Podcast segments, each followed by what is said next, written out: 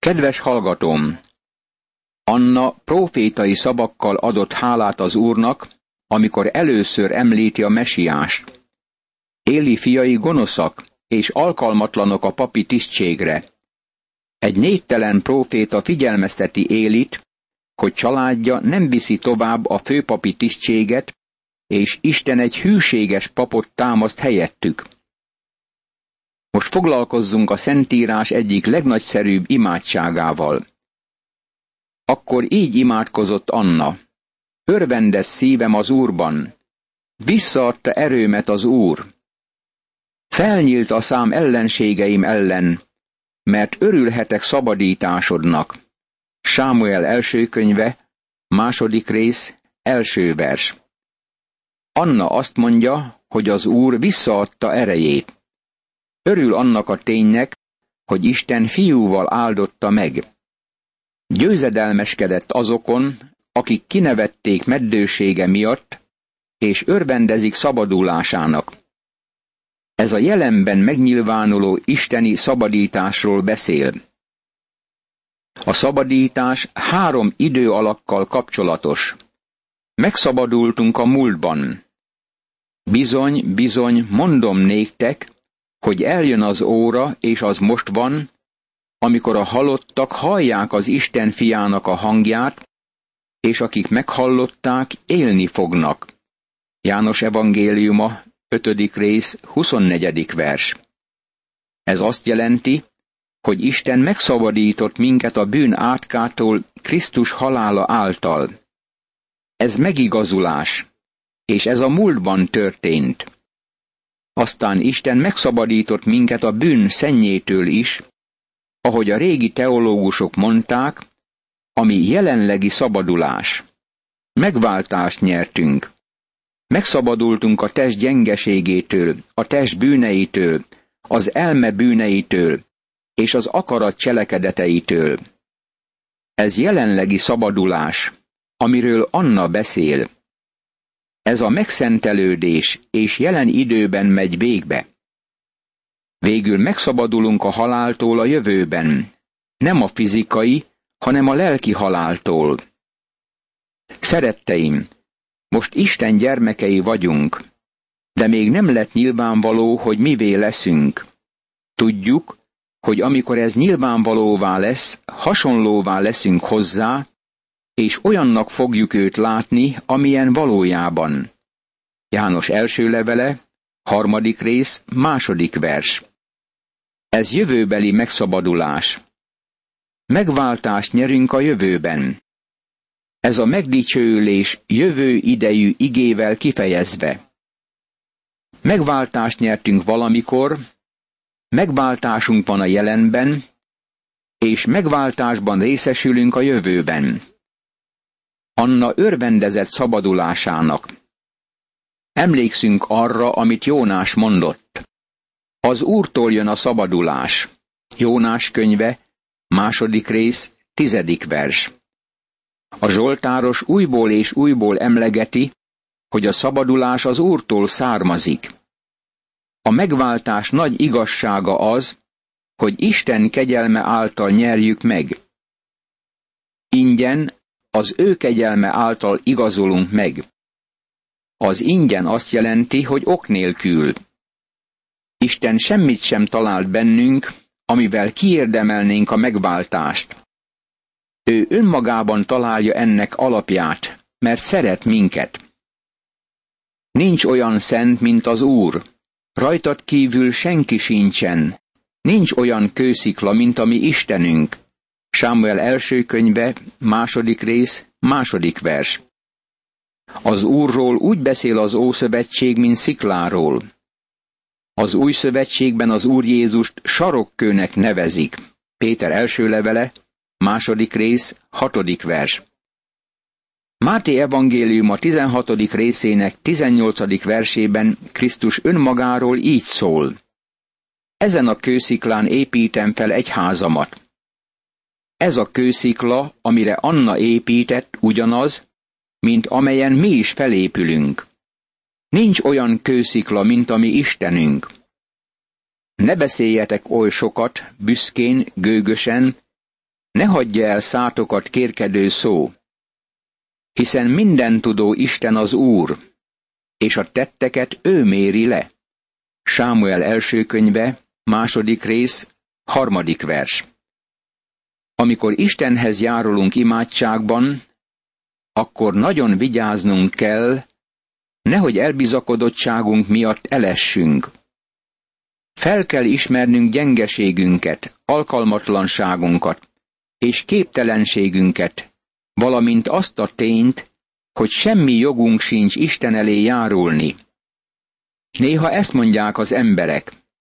Miért nem hallgatja meg Isten az imádságomat? Őszintén megkérdezem, hogy miért kellene meghallgatnia. Milyen alapon állítunk ilyen igényt? Ha elfogadtuk Jézus Krisztust, mint megváltót, akkor csodálatos alaphelyzetünk van Isten előtt, és odajárulhatunk Isten elé az Úr Jézus Krisztus nevében. Jézus joga és igénye a miénk. Mégis gondoljunk arra, hogy imádságainknak összhangban kell lennie az ő akaratával. A hősök íja összetörik, de az elesettek erőt öveznek fel. A jól lakottak elszegődnek kenyérért, de akik éheztek, folyton ünnepelnek. Hetet szül, aki meddő volt, és gyászol, akinek sok fia volt. Az Úr megöl, és megelevenít, sírba visz, és felhoz onnét. Sámuel első könyve, második rész, negyedik, ötödik és hatodik vers. Ebben az ige szakaszban az a gondolat rejlik, hogy Isten adja az életet. Ahogy Jobb mondta, az Úr adta, az Úr vette el. Áldott legyen az Úr neve. Jobb könyve, első rész, 21. vers. Csak Istennek van hatalma, hogy életet adjon, és csak neki van joga arra, hogy elvegye az életet. Eddig csak Istennek volt ez a hatalma. Hidd el, Isten vállalja, hogy őt okolják Anániás és Szafira haláláért, amiről az apostolok cselekedetei ötödik fejezetében van szó. Nem mentegetőzik azért a tényért, hogy meg akarja ítélni a gonoszokat. A második halálban kötnek ki, és elkülönülnek Istentől. Isten nem mentegetőzik azért, amit cselekszik. Miért? Mert ez a világegyetem az övé. Mi teremtmények vagyunk. Az ő kezében van a világegyetem irányítása. Nem sokkal ezelőtt beszéltem egy fiatal egyetemistával, aki elfogadta Krisztust, mint megváltóját, de még mindig nem akart elfogadni sok bibliai igazságot. Ezt mondtam neki. Ha nem tetszik, ahogyan Isten kidolgozta az üdvösség tervét, és nem szereted, amit cselekszik, akkor elmehetsz valahová, és megalkothatod a saját világegyetemedet, és felállíthatod a saját szabályaidat, és irányíthatod azt úgy, ahogy akarod. De amíg Isten világegyetemében vagy, neked föl kell zárkóznod az ő cselekvéseihez. A legcsodálatosabb az, hogy meghajolhatunk előtte, és áldását vehetjük, ha készek vagyunk engedelmeskedni akaratának. Az Úr tesz szegényé és gazdaggá, megaláz és felmagasztal. Sámuel első könyve, második rész, hetedik vers. Ez az igevers egy kérdést vet föl minnyájunk előtt. Miért vannak gazdagok és szegények? Nem értem, hogy Isten miért engedte meg, hogy egyesek gazdagok legyenek, mások meg szükséget szenvedjenek. Azt hiszem, egy kicsit jobban el tudtam volna osztani a javakat, mint ahogy ő tette. Ezt őszintén elmondom neked. De ő nem rám bízta ezt. Ez az ő ügye. És ő egy napon megmagyarázza nekünk ezt is. Várok a magyarázatra, mert tudom, hogy neki megvan erre a válasza. Fölemeli a porból a szűkölködőt, és kiemeli a szeméből a szegényt. Leülteti az előkelőkkel együtt, és főhelyet juttat neki. mert az úréi a föld oszlopai. Rájuk helyezte a földkerekséget. Híveinek lábát megőrzi, de a bűnösök a sötétben vesznek el. Senkit sem tesz hőssé a maga ereje. Sámuel első könyve, második rész, nyolcadik és kilencedik vers. Az ember a saját erejénél fogva sohasem tud semmit elérni, hogy Isten tetszését megnyerje. A keresztényeknek el kell ismerniük ezt a tényt. Csak a Szentlélek hatalma által elvégzett cselekedetek számítanak. Meg kell tanulnunk, hogy tőle függjünk, és rátámaszkodjunk. Összetörnek, akik az Úrral szállnak perbe. Mennydörög ellenük az égben.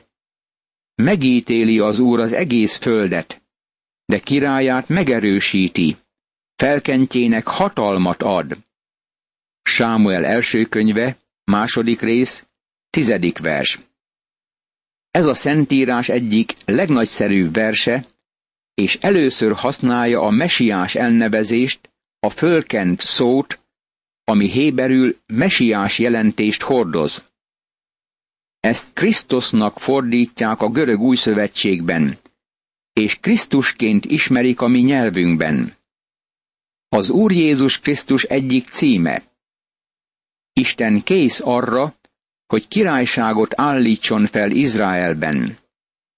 Mivel Izrael elutasította a teokráciát, Isten királyt nevez ki a vezetői tisztségre. Ezután Elkána hazament Rámába. A gyermek pedig az úr szolgája lett Éli főpa felügyelete alatt. Sámuel első könyve, második rész, tizenegyedik vers. Ez úgy hangzik, mintha Sámuelt a védelem és oltalom helyén hagyták volna. A Szent Sátornak ilyen helynek kellett volna lennie, de nem ez történt. Éli fiai azonban elvetemült emberek voltak, nem törődtek az úrral. Sámuel első könyve, második rész, tizenkettedik vers. Éli fiai, a Béliál fiai, az ördög fiai voltak. Nem nyertek megváltást. Ott voltak, mint a főpap fiai, a szent sátor körül lődörögtek, és valójában ott szolgáltak. Sokan keresztény iskolákba küldik gyermekeiket, és úgy érzik, hogy ezzel a legjobbat tették velük. Nem akarom, hogy félreésd, amit mondok. Hálás vagyok Istennek a keresztény iskolákért.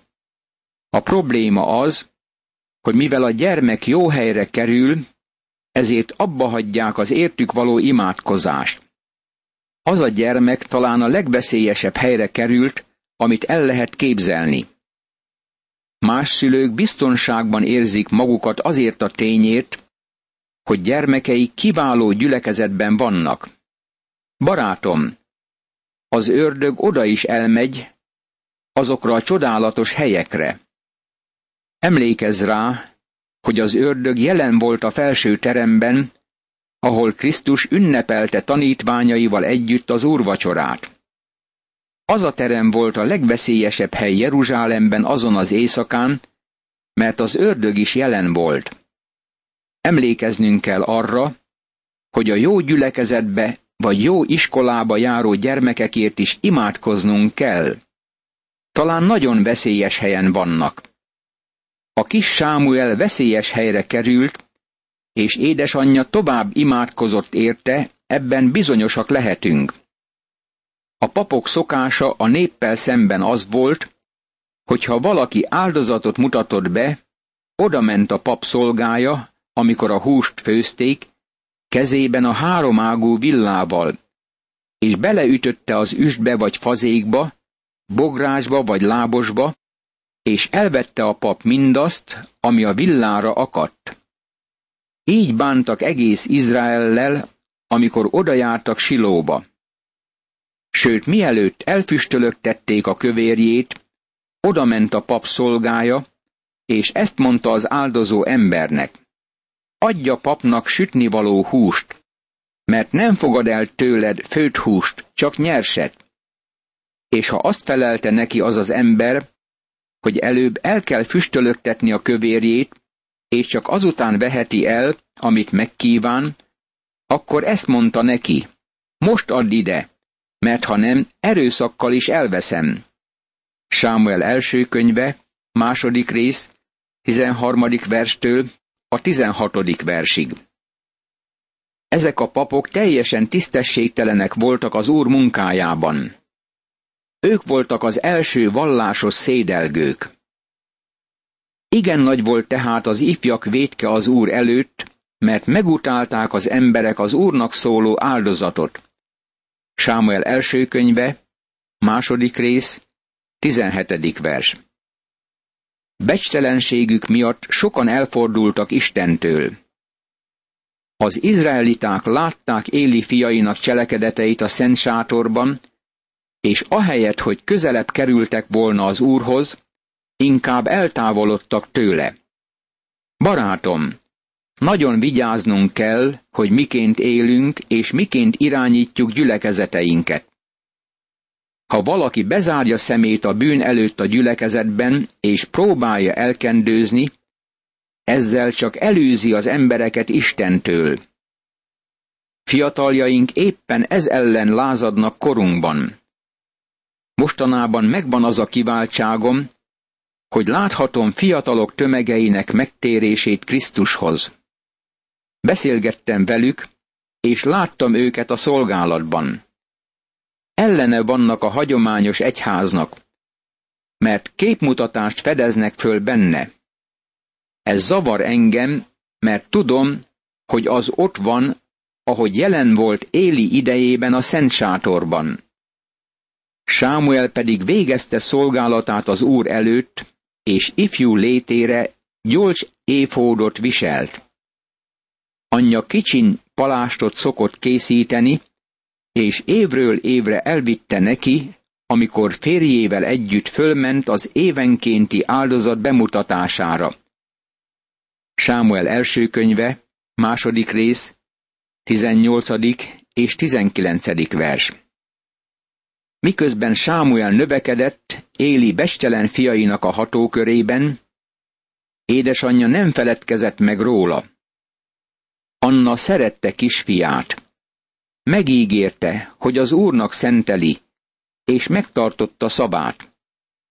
Minden évben ruhát készített neki, és átadta személyesen. Ebben nagyon sok szeretetet és tapintatosságot lehet fölfedeznünk. Azt hiszem, a legnagyobb örömünk az, amikor kicsinyeinknek a legjobb ruhát vagy a legjobb ajándékot adhatjuk. Semmi sem nyújt ilyen megelégedést. Együtt érzek Annával, amikor látom ebben a szolgálatában. Éli pedig megáldotta Elkánát feleségével együtt, és ezt mondta. Adjon neked az úr utódot ettől az asszonytól a felajánlott helyett, akit felajánlott az úrnak. Azután hazamentek. És az úr rátekintett Annára, s az teherbe esett, és még három fiút és két lányt szült. A gyermek Sámuel pedig az úrnál növekedett. Sámuel első könyve, második rész, 20. és 21. vers. Isten jót tett Annával. Öt más gyermeket adott neki, de sohasem feledkezett el Sámuelről azokban az években. Minden évben elkészítette neki a kis palástot. A Szent Sátor körül uralkodó rossz körülmények ellenére Sámuel növekedett az úr előtt. Éli igen öreg volt. Meghallotta, hogy mi minden tesznek fiai egész Izraellel, és hogy azokkal az asszonyokkal hálnak, akik a kijelentés sátrának a bejáratánál teljesítenek szolgálatot. Sámuel első könyve, második rész, 22. vers. Éli szemet hunyt fiainak bűne felett. Figyeljük meg azt a szörnyű erkölcstelenséget, amit fiai elkövettek. Azokkal az asszonyokkal hálnak, akik a kijelentés sátrának a bejáratánál teljesítenek szolgálatot. Manapság sokan követik az úgynevezett új erkölcsiséget. lényegében már abban a múltban sem volt új. Visszament egészen az özönvíz idejéig. Ezt mondta nekik. Miért csináltok ilyeneket? Mert hallom gonosz dolgaitokat az egész néptől. Sámuel első könyve, második rész, 23. vers. Éli fiainak cselekedetei nyilvános botránynak számítottak Izraelben. Éli csak annyit tett, hogy egy kicsit megdorgálta őket. Ne tegyétek, fiaim, mert hallom, hogy nem jó hírt terjesztenek rólatok az Úr népe előtt. Sámuel első könyve, második rész, 24. vers. Az emberek azt tették, amit a papoktól láttak. Éli fiai vezették Izraelt a bűnbe. Ahelyett, hogy pozitív lépéseket tett volna Éli a helyzet megváltoztatására, enyhén figyelmeztette a fiait. Nagyon elnéző apa volt. Ha ember védkezik ember ellen, akkor Isten a döntőbíró. De ha az Úr ellen védkezik valaki, ki merne ott döntőbíró lenni? De nem hallgattak apjuk szavára, mert úgy tetszett az Úrnak, hogy megöli őket. A gyermek Sámuel pedig nőttön nőtt, és kedves volt mind az Úr előtt, mind az emberek előtt. Sámuel első könyve, második rész, 25. és 26. vers. Sámuel még ebben a gonosz környezetben is növekedett az Úr és az emberek előtti kedvességben. Istennek szentelték őt, és nem vallott szégyent, mert édesanyja törődött vele és imádkozott érte. Isten fel akarta őt használni. Imádkozzunk! Uram, köszönöm, hogy Sámuel növekedésében megláthatom azt a kegyelmet, amit gyakorolsz mindenki iránt, aki átadja életét a te szolgálatodra. Add segítségedet, hogy én is őszintén szolgáljak előtted, és ne botránkoztatására, hanem áldására legyek azoknak, akik figyelik életemet és magatartásomat. Hallgass meg engem, az Úr Jézus Krisztus nevében kérlek. Ámen.